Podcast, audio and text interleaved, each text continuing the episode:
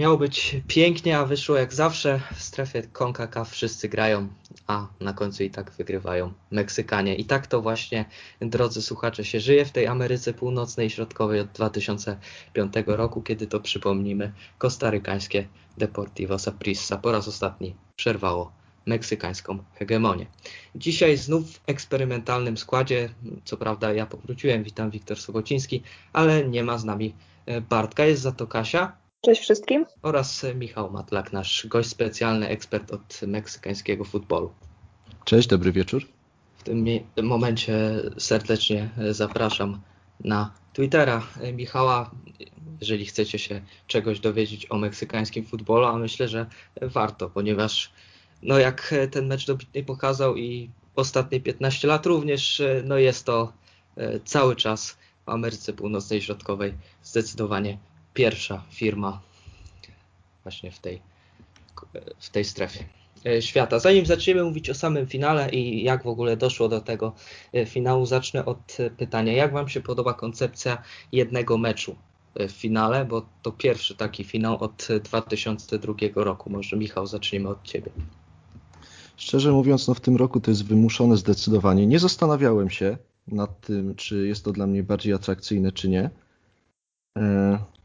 Przywykłem do tych dwóch meczów, natomiast mecz pojedynczy, mecz pojedynczy jest całkiem ciekawym rozwiązaniem, szczególnie jeśli chodzi o to, że nie będzie dogrywek, że nie było dogrywek w tej edycji. To mi się podobało. Nie było chyba żadnego takiego meczu, kiedy musiałoby dojść do rzutów karnych, ale takie skondensowanie mi się podoba. Te mecze wydaje mi się bardziej emocjonujące były.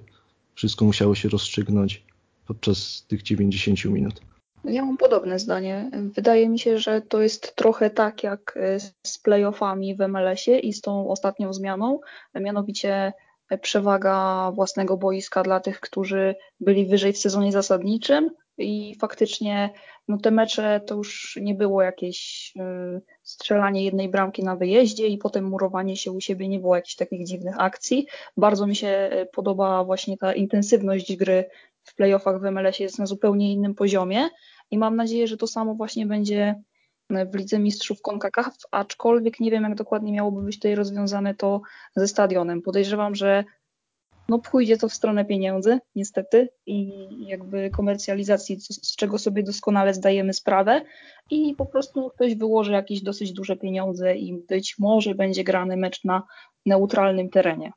No tak jak w tym roku, tak, bo Orlando No tak, no ja wiem, że w tym roku no. to było jednak trochę wymuszone przez COVID, tak, i w ogóle jakby ta, ta Liga Mistrzów CONCACAF jest no, też specyficzna, zdaję sobie sprawę z tego, że nie każdemu się E, podobały te mecze, na przykład e, no takie LAFC no grało jeden mecz, tak, a inne drużyny grały dwumecz, no to jest to trochę jednak e, dziwne, ale właśnie wydaje mi się, że w przyszłości może to pójść w tę stronę, że ktoś po prostu wyłoży gruby szmal, a my będziemy obserwować mecz na neutralnym terenie. No i te mecze prawdopodobnie też byłyby rozgrywane w Stanach, bo nawet meksykańskim klubom myślę, że jest to w pewien sposób na rękę wszystkie meksykańskie kluby, reprezentacje dążą do tego, żeby występować w Stanach Zjednoczonych. Tam są większe przychody z dnia meczowego i myślę, że jeśli to miałby być neutralny teren, to na pewno nie byłby to Meksyk. Jakieś inne miasto niż drużyna meksykańska, która akurat grałaby w takim meczu, tylko w kierunku Stanów zdecydowanie. Zgadza się, zwłaszcza też, że w Stanach no, te rzesze kibiców e, meksykańskich klubów także e, są dosyć spore mi się akurat podoba to rozwiązanie z tym jednym meczem, ponieważ to jest takie. Jest wprowadzony na pewno element losowości. Jest to zdecydowane ułatwienie dla drużyn, które są teoretycznie właśnie słabsze, ponieważ jeden mecz, tu się może zdarzyć wszystko w dwumeczu, pokazać wyższość nad lepszym zespołem, to już jest ogromna sztuka i jak widać, no nie udaje się to zbytnio ani zespołom ze Stanów Zjednoczonych, ani zespołom z Kostaryki czy Hondurasu, ale myślę, że tutaj mimo wszystko teraz zespoły ze Stanów i z Meksyku są mm, no, na topie. Chociaż nie widać tego w trofeach, jeżeli chodzi o mm, reprezentantów MLS. Co do samego meczu, jakie są e, Wasze odczucia, ponieważ ja odniosłem takie wrażenie, że po tej zdobytej bramce e, wiadomo było, że Tigres muszą zaatakować, że na pewno się rzucą na LAFC, ale no, zbyt mocno chcieli e, Kalifornijczycy pomóc swoim rywalom. Bardzo ułatwili im to zadanie. Michale. Ja szczerze mówiąc po tym meczu bardziej niż radość odczuwam ulgę. Dlatego, że bardzo wyraźnie było widać, że LAFC siedzieli na Tigres po prostu cały mecz. Do 70 minuty Tigres byli stłamszeni, yy, mocno atakowani pressingiem. To była dynamiczna gra podopiecznych Boba Bradley'a. Yy, obudzili się koło tej 72 minuty, dokładnie wtedy, kiedy padł ten gol z rzutu rożnego po stałym fragmencie, tam jeszcze zawodnik LAFC skiksował. No od tamtego czasu po prostu się przebudzili. Po prostu ostatnie 20 minut grali na miarę oczekiwań, potem zaowocowało to drugą bramką. Y, no nie będę ukrywał, po prostu amerykańska drużyna była lepsza w tym finale. Y, dużo szczęścia mieli Tigres. Według mnie zespół z Kalifornii był najlepszym w tej edycji Ligi Mistrzów CONCACAF. Zasłużyli na to zwycięstwo. Natomiast no, wydaje mi się też, że y, sporym czynnikiem było to, że Tigres to jest drużyna bardzo doświadczona w rozgrywaniu finałów. To jest zespół, który ma ten sam trzon od co najmniej pięciu lat. Tam wymieniają się tylko pojedynczy zawodnicy, natomiast ten szkielet jest budowany w bardzo stabilny sposób. Y, grają jednym tym samym systemem, rozumieją się jak łyse konie. Finał rozgrywali nie jeden, bo tak jak zresztą pisałem na Twitterze, w, tym, w tej dekadzie chyba koło 10 tych finałów już rozgrywali. To jest drużyna bardzo doświadczona, jeśli chodzi o te końcowe, końcowe decydujące mecze w tych rozgrywkach. Być może też to wyszło. LAFC to jest drużyna mimo wszystko młoda, z młodymi zawodnikami z Ameryki Południowej, nie tak doświadczona turniejowo. No właśnie tak powiedziałeś, że ten trzon zespołu od pięciu lat LAFC no, nawet oczywiście tyle e, nie istnieje jeszcze, co, co ten trzon w Tigres jest e, zachowany. Kasiu? Znaczy ja mam wrażenie, że LAFC po tym e, pudle Carlosa Veli i ta zmarnowana sytuacja, to ja już wiedziałam, że będą ogromne ciężary i że od tego momentu może być tylko gorzej, jeżeli ta gra nie uspokoi się w środku pola bo, bo jednak to był ten kluczowy i przełomowy moment, w którym oni po prostu przestali grać. Do tego mam wrażenie, że słabe zmiany, w zasadzie to nawet nie było kogo wprowadzić do gry. E, I to było dla mnie może nie zaskakujące, bo o tym e, mówiłam już we wcześniejszych odcinkach, że dla mnie w ogóle sama obecność LAFC w finale jest ogromnym zaskoczeniem. To, to jest zespół, który naprawdę wyeliminował rywali z Meksyku, co już było dla mnie sporym zaskoczeniem, patrząc na ich grę e, i na to, że no, nie był to najmocniejszy zespół w tym sezonie przede wszystkim. Do tego problemy e, po tym półfinale e, i wykluczenie Atuesty. To było doskonale widać w grze LAFC w tym meczu.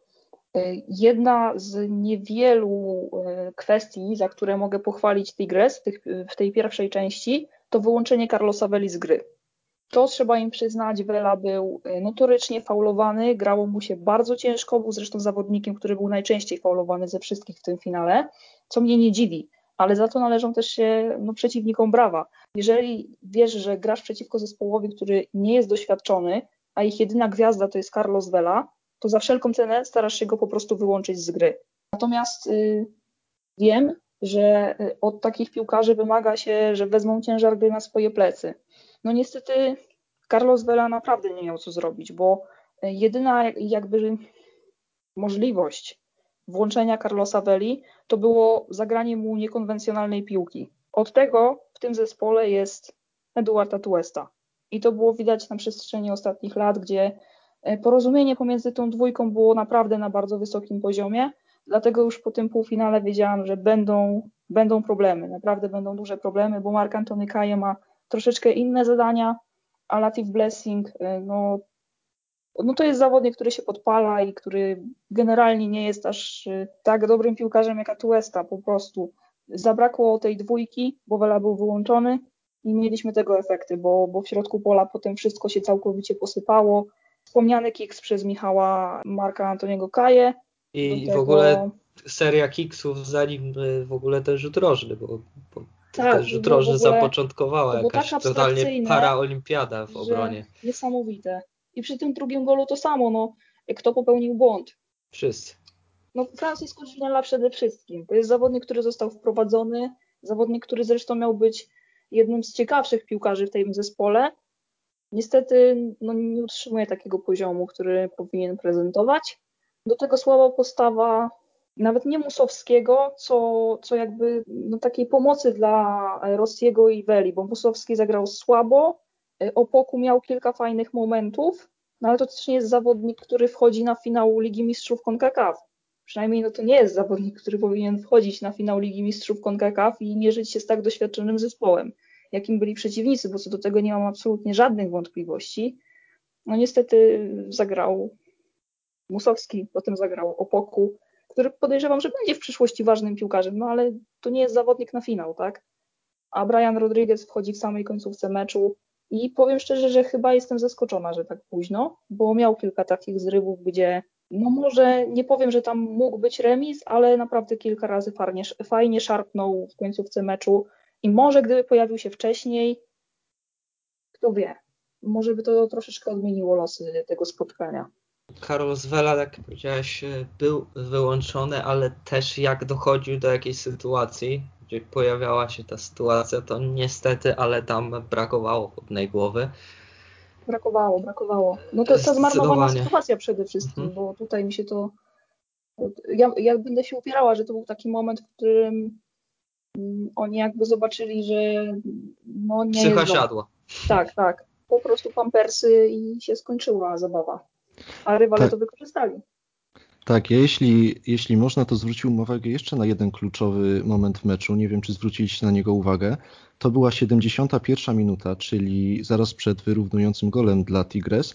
Wtedy y, Tuca Ferretti, trener Tigres, wprowadził na boisko Nicolasa Lopeza, Urugwajczyka, za Leo Fernandeza. Leo Fernandez to jest perełka, to jest, to jest piłkarz, tak utalentowanego piłkarza z papierami na międzynarodową karierę nie widziałem w Meksyku od czasów Edwina Cardony w Monterey. W Toluce miał świetne wejście do ligi, natomiast w Tigres on się dusi. On w tej skostniałej taktyce y, Tuki Ferrettiego po prostu jest zupełnie niewidoczny. On nie nadaje się do takiego powolnego rozgrywania piłki, stopniowego zdobywania terenu, zbliżania się do bramki przeciwnika. Y, on w tym meczu nie istniał. Y, szczelił w, szczelił w ćwierćfinale ładnego gola piętką, natomiast w finale był zupełnie niewidoczny nie współpracował z Żyniakiem. W 71 minucie, no on musiał prędzej czy później zejść. Tuka wprowadził Nicolasa Lopeza y, i co się stało? Y, Nicolas Lopez, asysta y, przy golu Ugo Ayali z rzutu rożnego, minutę później to on dośrodkowywał i odegrał też ważną rolę w tej akcji przy zwycięskim golu André Pierre Żyniaka, czyli wejście było strzałem w dziesiątkę. Mm, tak, no tutaj właśnie zagrały te zmiany chyba, prawda? A, a tutaj jakby w LAFC no to nie jestem w stanie pochwalić Boba Bradley'a, no bo wydaje mi się, że po pierwsze no za bardzo ok, nie miał kogo wprowadzić, a dwa jak już wprowadził, no to jednak nie były tu trafione rotacje.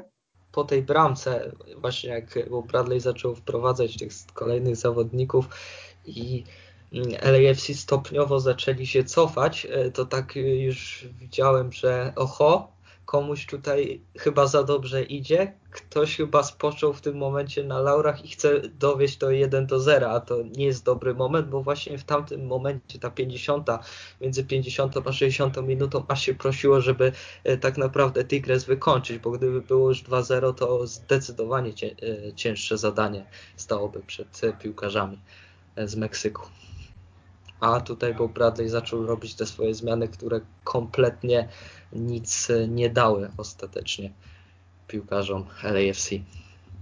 No właśnie wcześniej wspomniałeś o Weli, że nie oddawał celnych strzałów i tutaj no, trzeba się zgodzić, no bo LAFC okej, okay, no jednak y, byli groźni, mieli swoje sytuacje, no ale koniec końców no to mają jeden celny strzał, co jest po prostu no, żenującym wynikiem.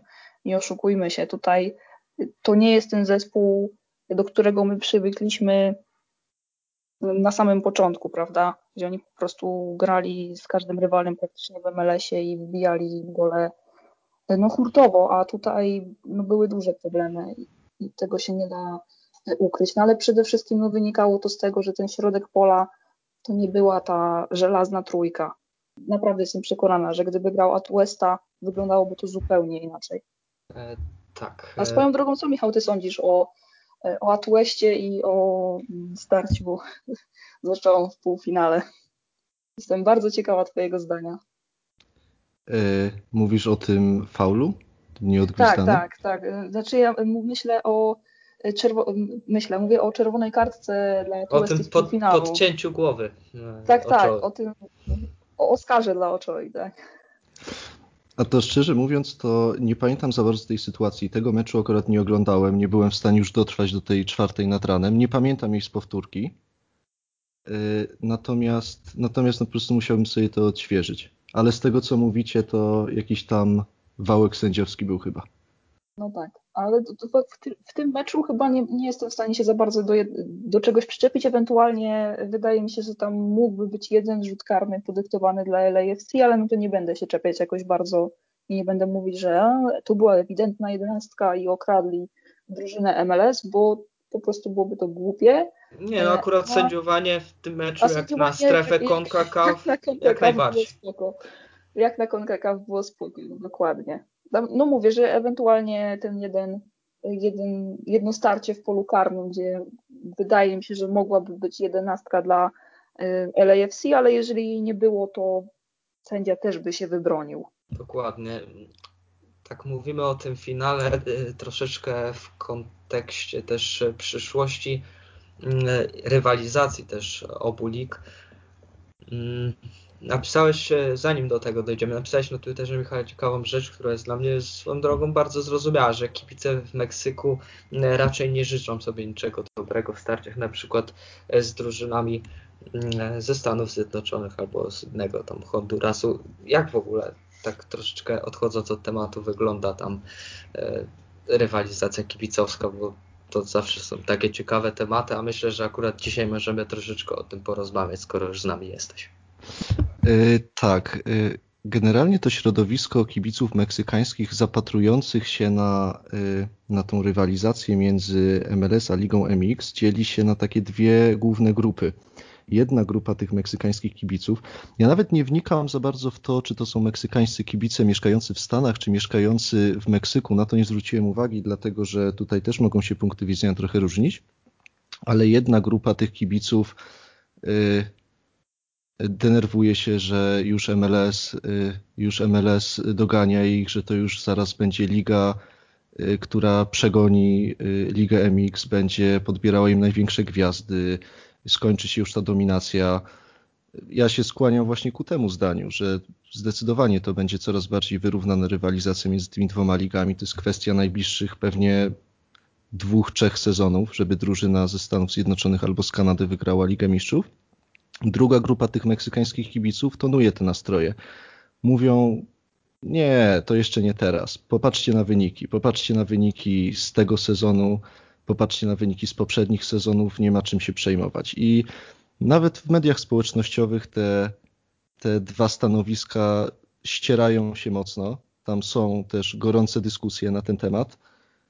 No tak jak mówię, moim zdaniem prawda leży gdzieś po środku, ale to jest zauważalne, że y, kluby z MLS, te czołowe kluby z MLS y, po prostu dorównują coraz bardziej poziomem. To już nie są takie pogromy, jakie bywały 5-6 lat temu.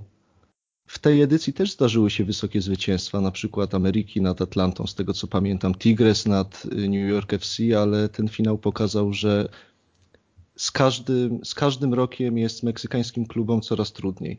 Coraz częściej. Wcześniej to było nie do pomyślenia w zasadzie, żeby klub ze Stanów wyeliminował klub meksykański. To się zdarzało sporadycznie. Teraz jest to już zdecydowanie bardziej wyrównane. Więc tak jak mówię, są dwa różne podejścia tych meksykańskich kibiców. Oni w ten sposób do tego podchodzą. Znaczy tutaj ja bym chciała tylko dodać z ten Tigres, które pokonało New York City FC, że oczywiście zasłużenie jak najbardziej, tylko też NYCFC podeszli do tego meczu bardzo średnio, no bo oni wystawili jakieś totalne rezerwy, ściągali zawodników gdzieś z USL Championship na bramkę, no bo to no, naprawdę jakby w ogóle nie, nie wzięli udziału w rewanżu, tak, to był, to był żart, to co oni zrobili i jak potraktowali ten mecz, no ale już nie będę do tego wracać, y, chcę natomiast nawiązać do tego, co powiedziałeś na samym początku, że LAFC było lepszą drużyną w tym meczu.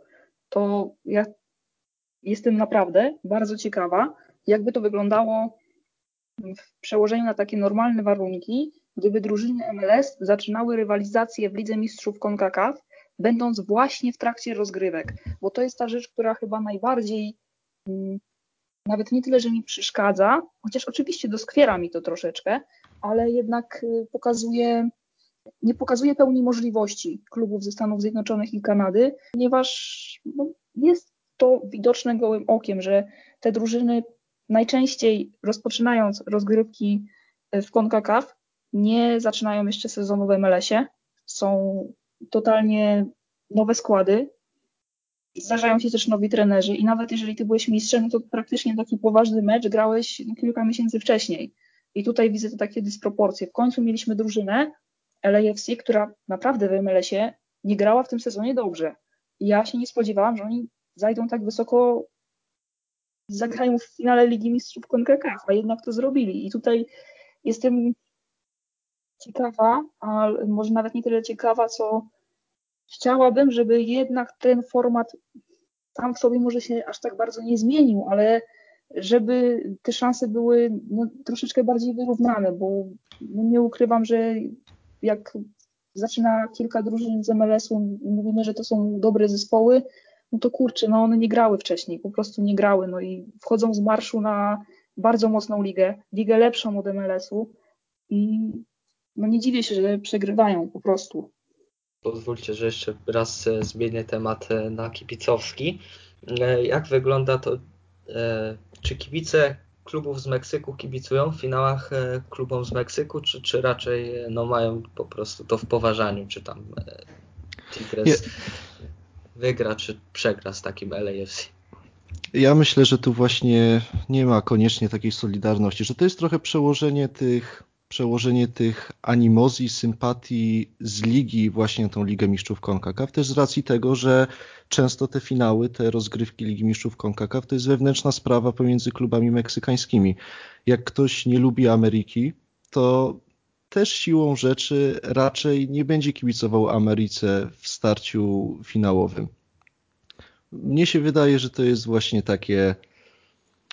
Nie, nie ma takiej spiny, że no, gra nasz klub w finale, to wszyscy mu kibicujemy. Podchodzą do tego bardziej z takim dystansem. Oczywiście nikt takiej Ameryce, czy no na przykład Tigres nie życzyłby źle, ale też nie ma takiego ogólnonarodowego spięcia, że grają nasi, więc im kibicujmy. To jest bardziej tak jak w takich rozgrywkach wewnątrzligowych.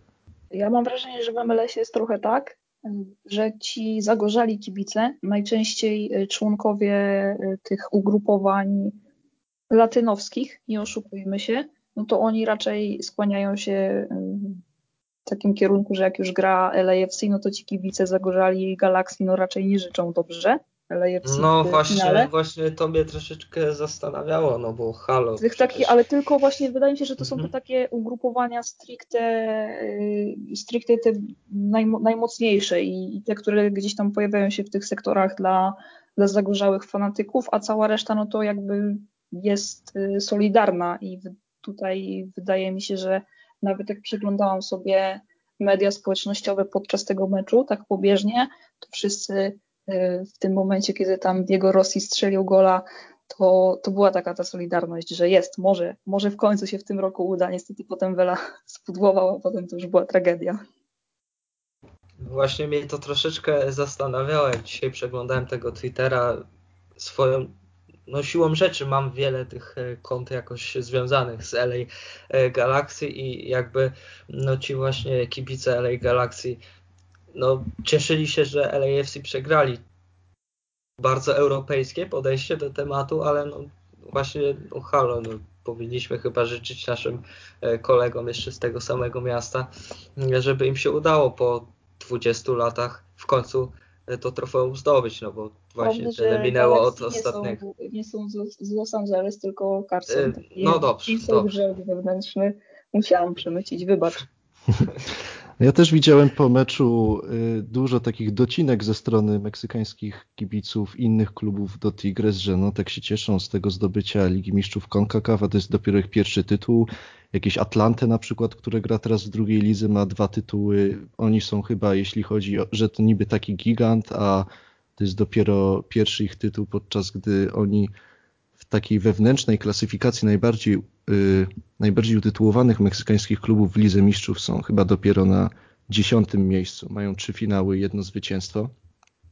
Też z Tigres trochę się nabijają w Meksyku kibice innych klubów z tego względu, że to jest zespół, który bardzo długo był przeciętniakiem. Oni zaczęli osiągać sukcesy dopiero w 2010-2011 roku, wtedy kiedy do klubu przyszedł trener Tuca Ferretti. Y, I kibice Tigres pozują na, na właśnie taki wielki klub, ten, ten z takiej czołówki, że to jest y, że to jest tradycyjny meksykański utytułowany klub na poziomie Ameryki Monterey, często właśnie często właśnie ironizują kibice innych klubów, że no hola, no wasza historia to praktycznie ostatnie 10 lat. Dużo jest takich docinków po każdym tytule dla tego klubu. No właśnie, kiedy to się tak zaczęło z tym Tigres? Mówisz, że e, w tej e, dekadzie jak, jakiś miał na to wpływ? e, Jakiś miał na to wpływ przybycie Żiniaka do, do tego klubu?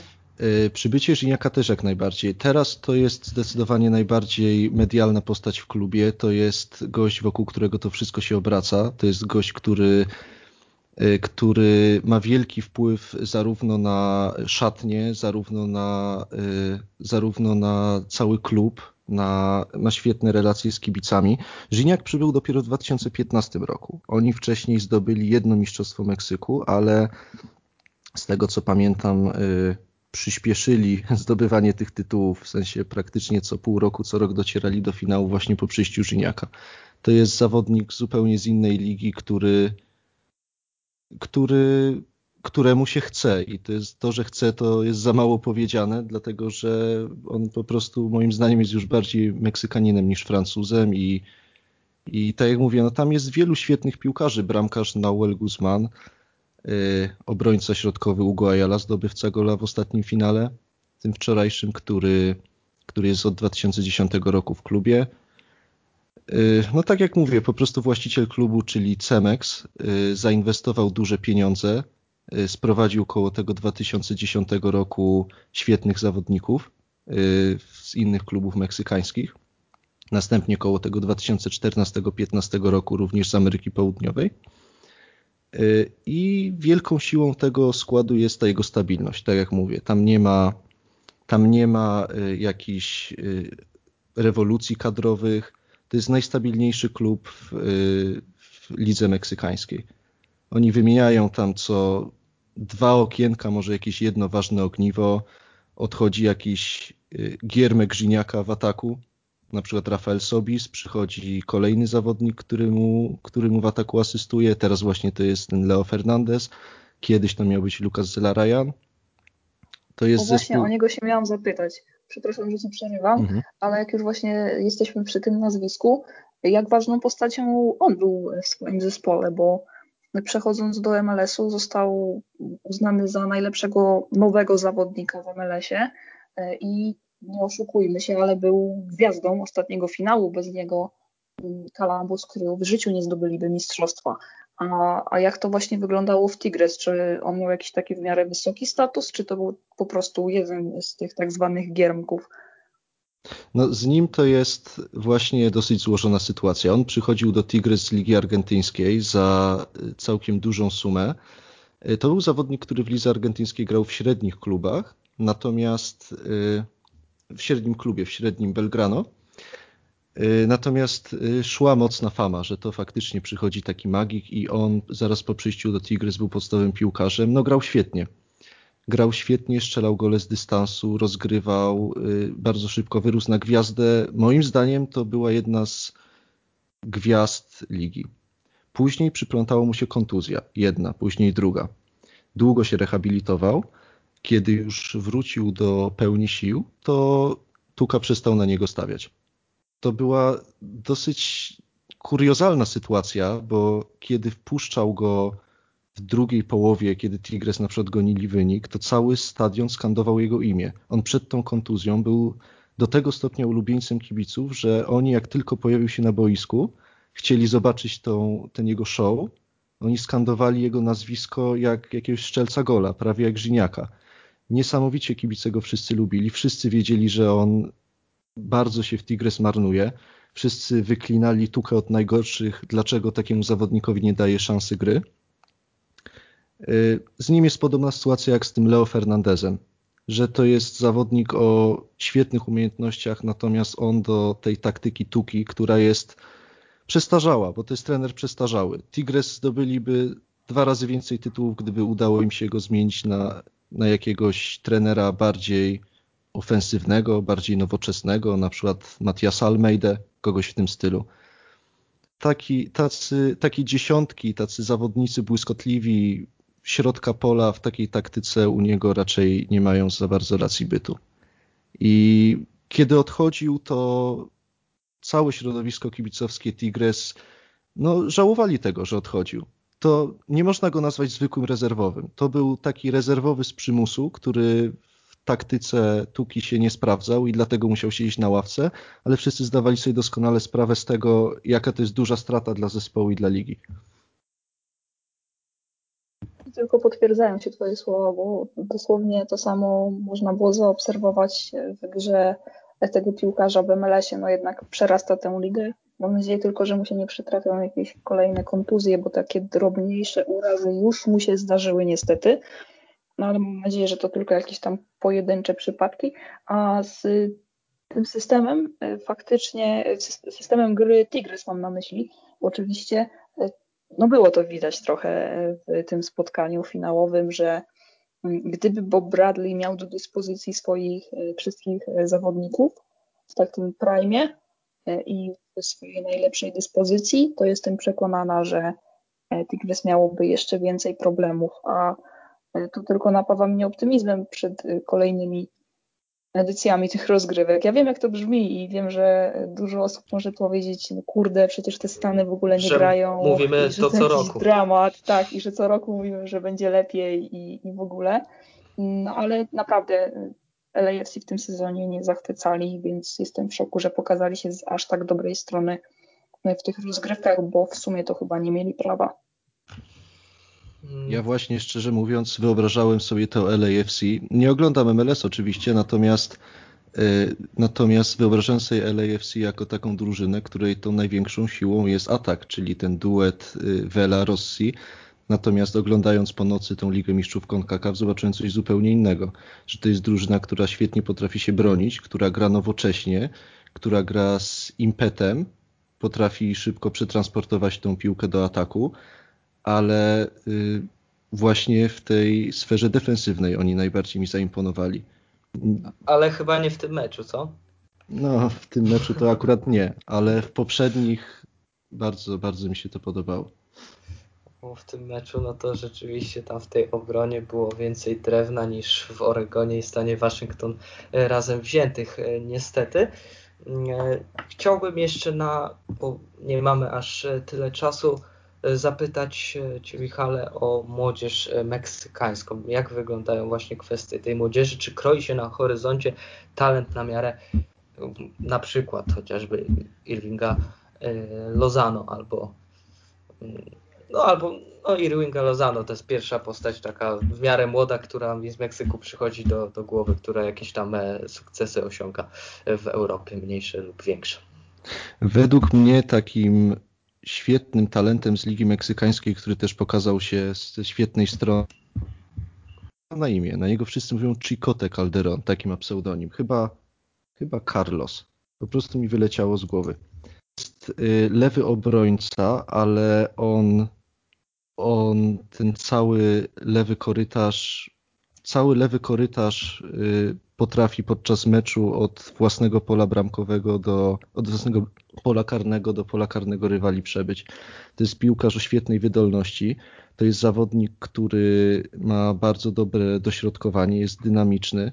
Moim zdaniem to jest materiał na, na gwiazdę poziomu międzynarodowego i bardzo mi kibicuję, żeby do Europy trafił jak najszybciej. Natomiast Czyli taki no, Alfonso Davis e, meksykański. O tak, tak, coś w tym stylu. Do niego mógłbym go porównać. Świetne też uderzenie z dystansu. Taki skrzydłowy na obronie, tak bym go określił. I wydaje mi się, że mam też taką nadzieję, że zobaczymy go na tej lewej obronie Meksyku podczas Mistrzostw Świata w Katarze. Natomiast no, te transfery Meksykanów młodych do Europy, chciałbym, żeby one były w zdecydowanie większej ilości, żeby ci młodzi L3 trafiali do klubów europejskich i żeby chociaż było ich tyle, ile, ile Amerykanów jest teraz, bo mówiłem właśnie, że kiedyś, że jest mi trochę nawet wstyd pisać o takich wydarzeniach jak gol Gerardo Arteagi gdzieś w lidze belgijskiej, czy debiut Jesusa Gomeza w Boawiście portugalskiej. To też są talentowani zawodnicy, ale blednie to w porównaniu z tym pokoleniem amerykańskim, które teraz debiutuje hurtowo w seniorskiej reprezentacji, które gra w czołowych klubach kontynentu. No tak, właśnie e, Kasia, myślę, że możemy tutaj wymieniać tych Amerykanów e, w Europie. Zresztą e, na Twoim Twitterze, Kasiu, no, widzimy cotygodniowe poczynania, czy to w Lidze Mistrzów, czy to, czy to w europejskich rozgrywkach na najwyższym poziomie. Ile tam jest tych Amerykanów teraz w Lidze Mistrzów? W Lidze Mistrzów zostało aktualnie ośmiu. No, ale... Jest to potężna liczba. Tak, i to jest już faza pucharowa, tak? Grało dziewięciu, więc no to są to są kosmiczne liczby. To nie żeby coś, no ale nawet te ostatnie tygodnie, no to jednak jest y, przepaść i to, to jest jedna z takich ciekawszych statystyk, która gdzieś krążyła w internecie. Mianowicie zawodnicy ze Stanów Zjednoczonych poniżej 23 roku życia w ostatnim tygodniu rozegrali więcej minut i to tak prawie dwa razy więcej niż y, Meksykanie w ostatnich pięciu latach, więc to jest coś y, abstrakcyjnego, nie jestem w stanie tego zrozumieć. Nie wiem, czy to po części może nie wynika z tego, że tym młodym, dobrym zawodnikom w Meksyku po prostu się dobrze gra w swoim kraju i to jest też bardzo możliwe. No bo jednak jest to liga mocniejsza na pewno od MLS-u i takim piłkarzom mam takie wrażenie, nie wiem czy ty to poprzesz, no ale im się bardziej się opłaca zostać w Meksyku niż Jankesom w MLS-ie.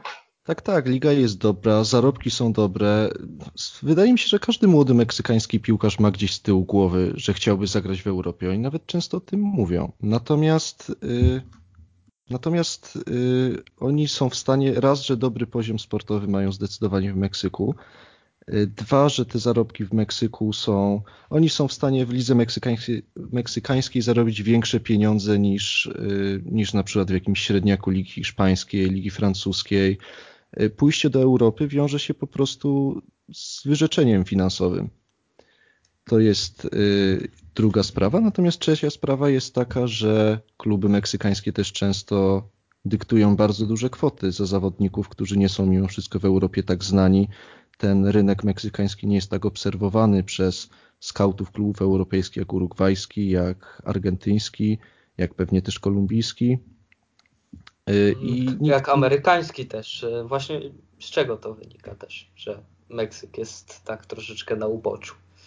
Trudno powiedzieć. Y, nawet chyba Turko Mohamed, który przechodził do Celty Vigo, trener, który po wielu latach pracy w Meksyku objął Celtę Vigo, on mówił tam w wywiadzie, że w Europie nic się nie wie o meksykańskiej piłce nożnej i wturował mu też Nestora Araujo, który był czołowym środkowym obrońcą Ligi Meksykańskiej w Santosie Laguna, przeszedł też do Celty Vigo mówił, że, że po prostu to jest terra incognita dla, dla klubów europejskich.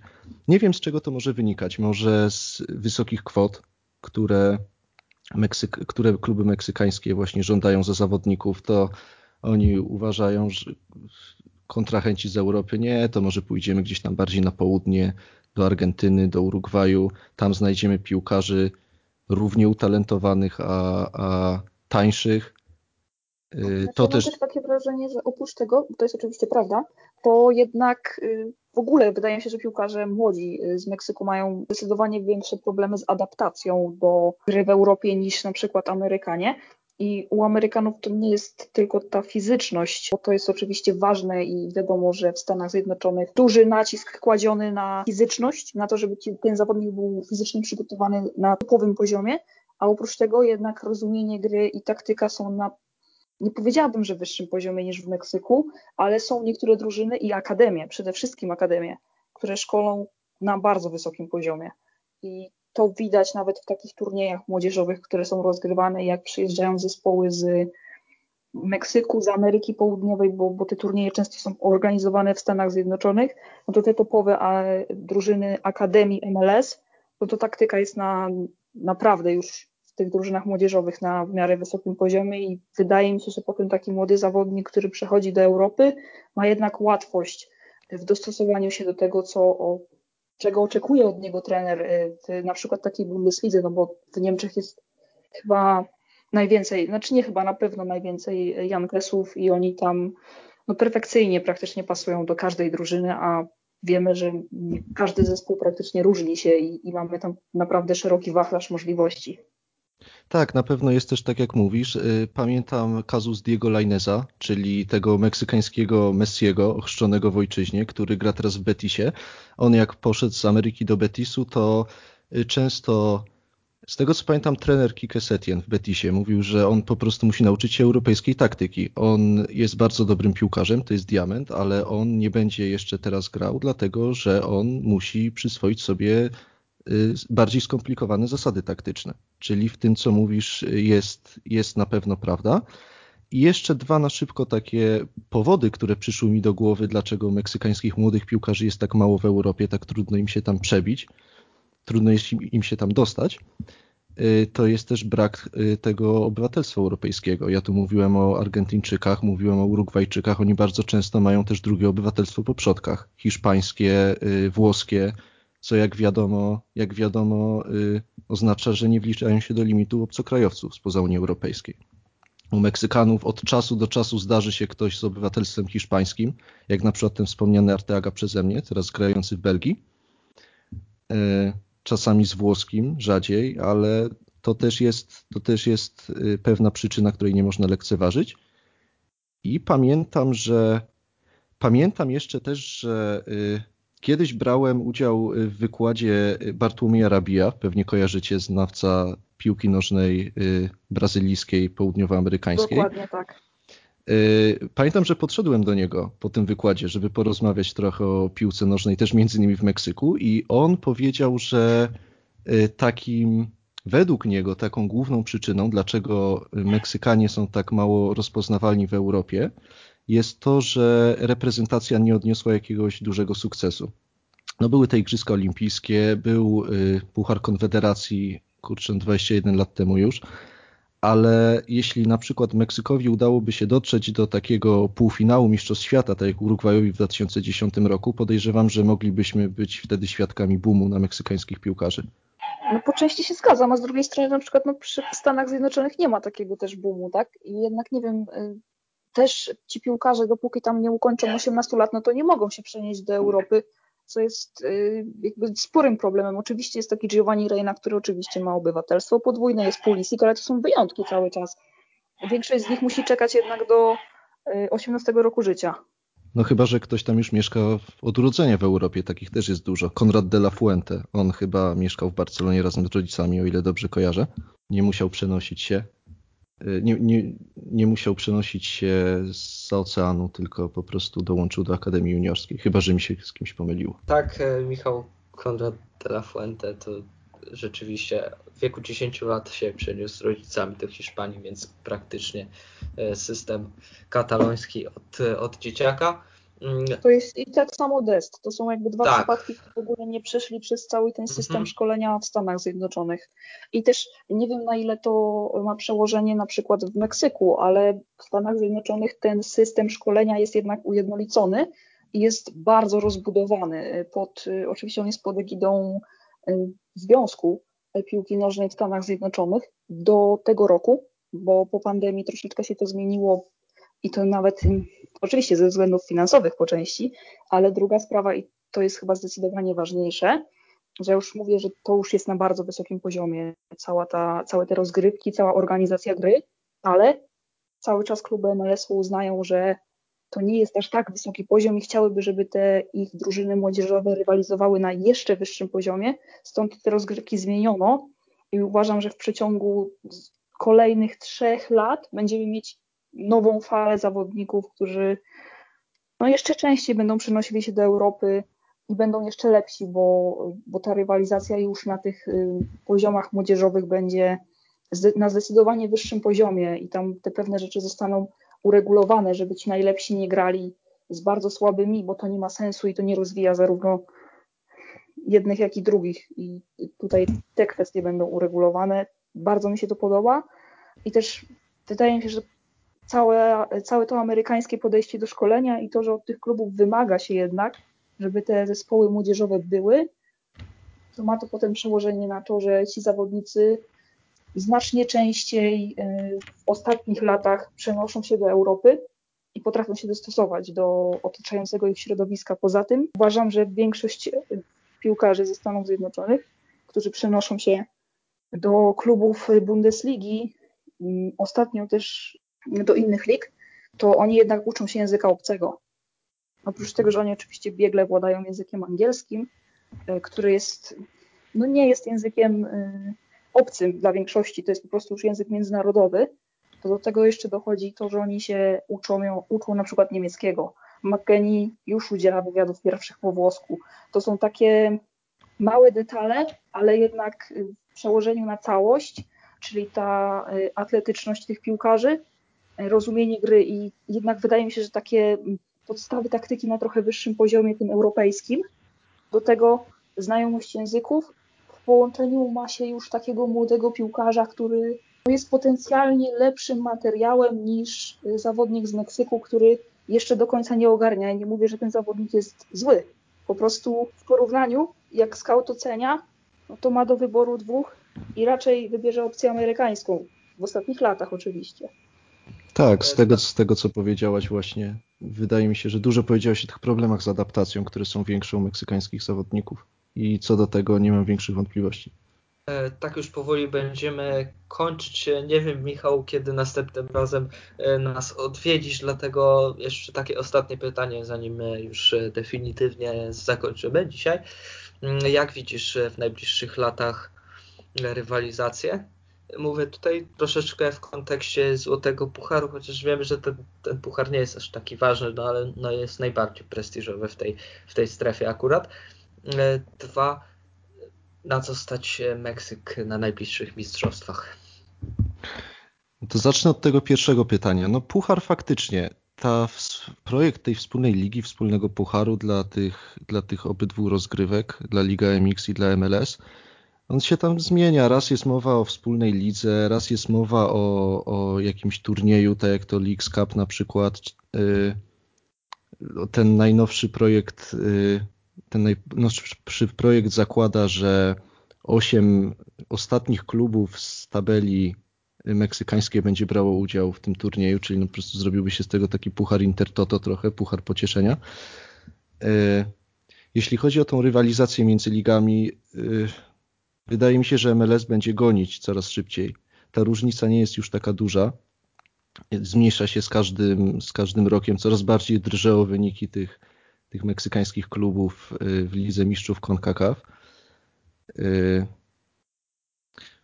no po prostu taka konkurencja będzie dla Meksyku też dobra. Z jednej strony oni, oni będą, nie będą zdobywać już prawdopodobnie co roku y, tego trofeum, natomiast to wyjdzie im tylko na dobre. Większa konkurencja w tej strefie CONCACAF, która no jest dosyć zapyziała no, poza, poza Stanami, poza Meksykiem dwa kraje już odjechały innym. To już nie, nie jest tak, że Kostaryka... Honduras. Potężna Jamajka jeszcze jest.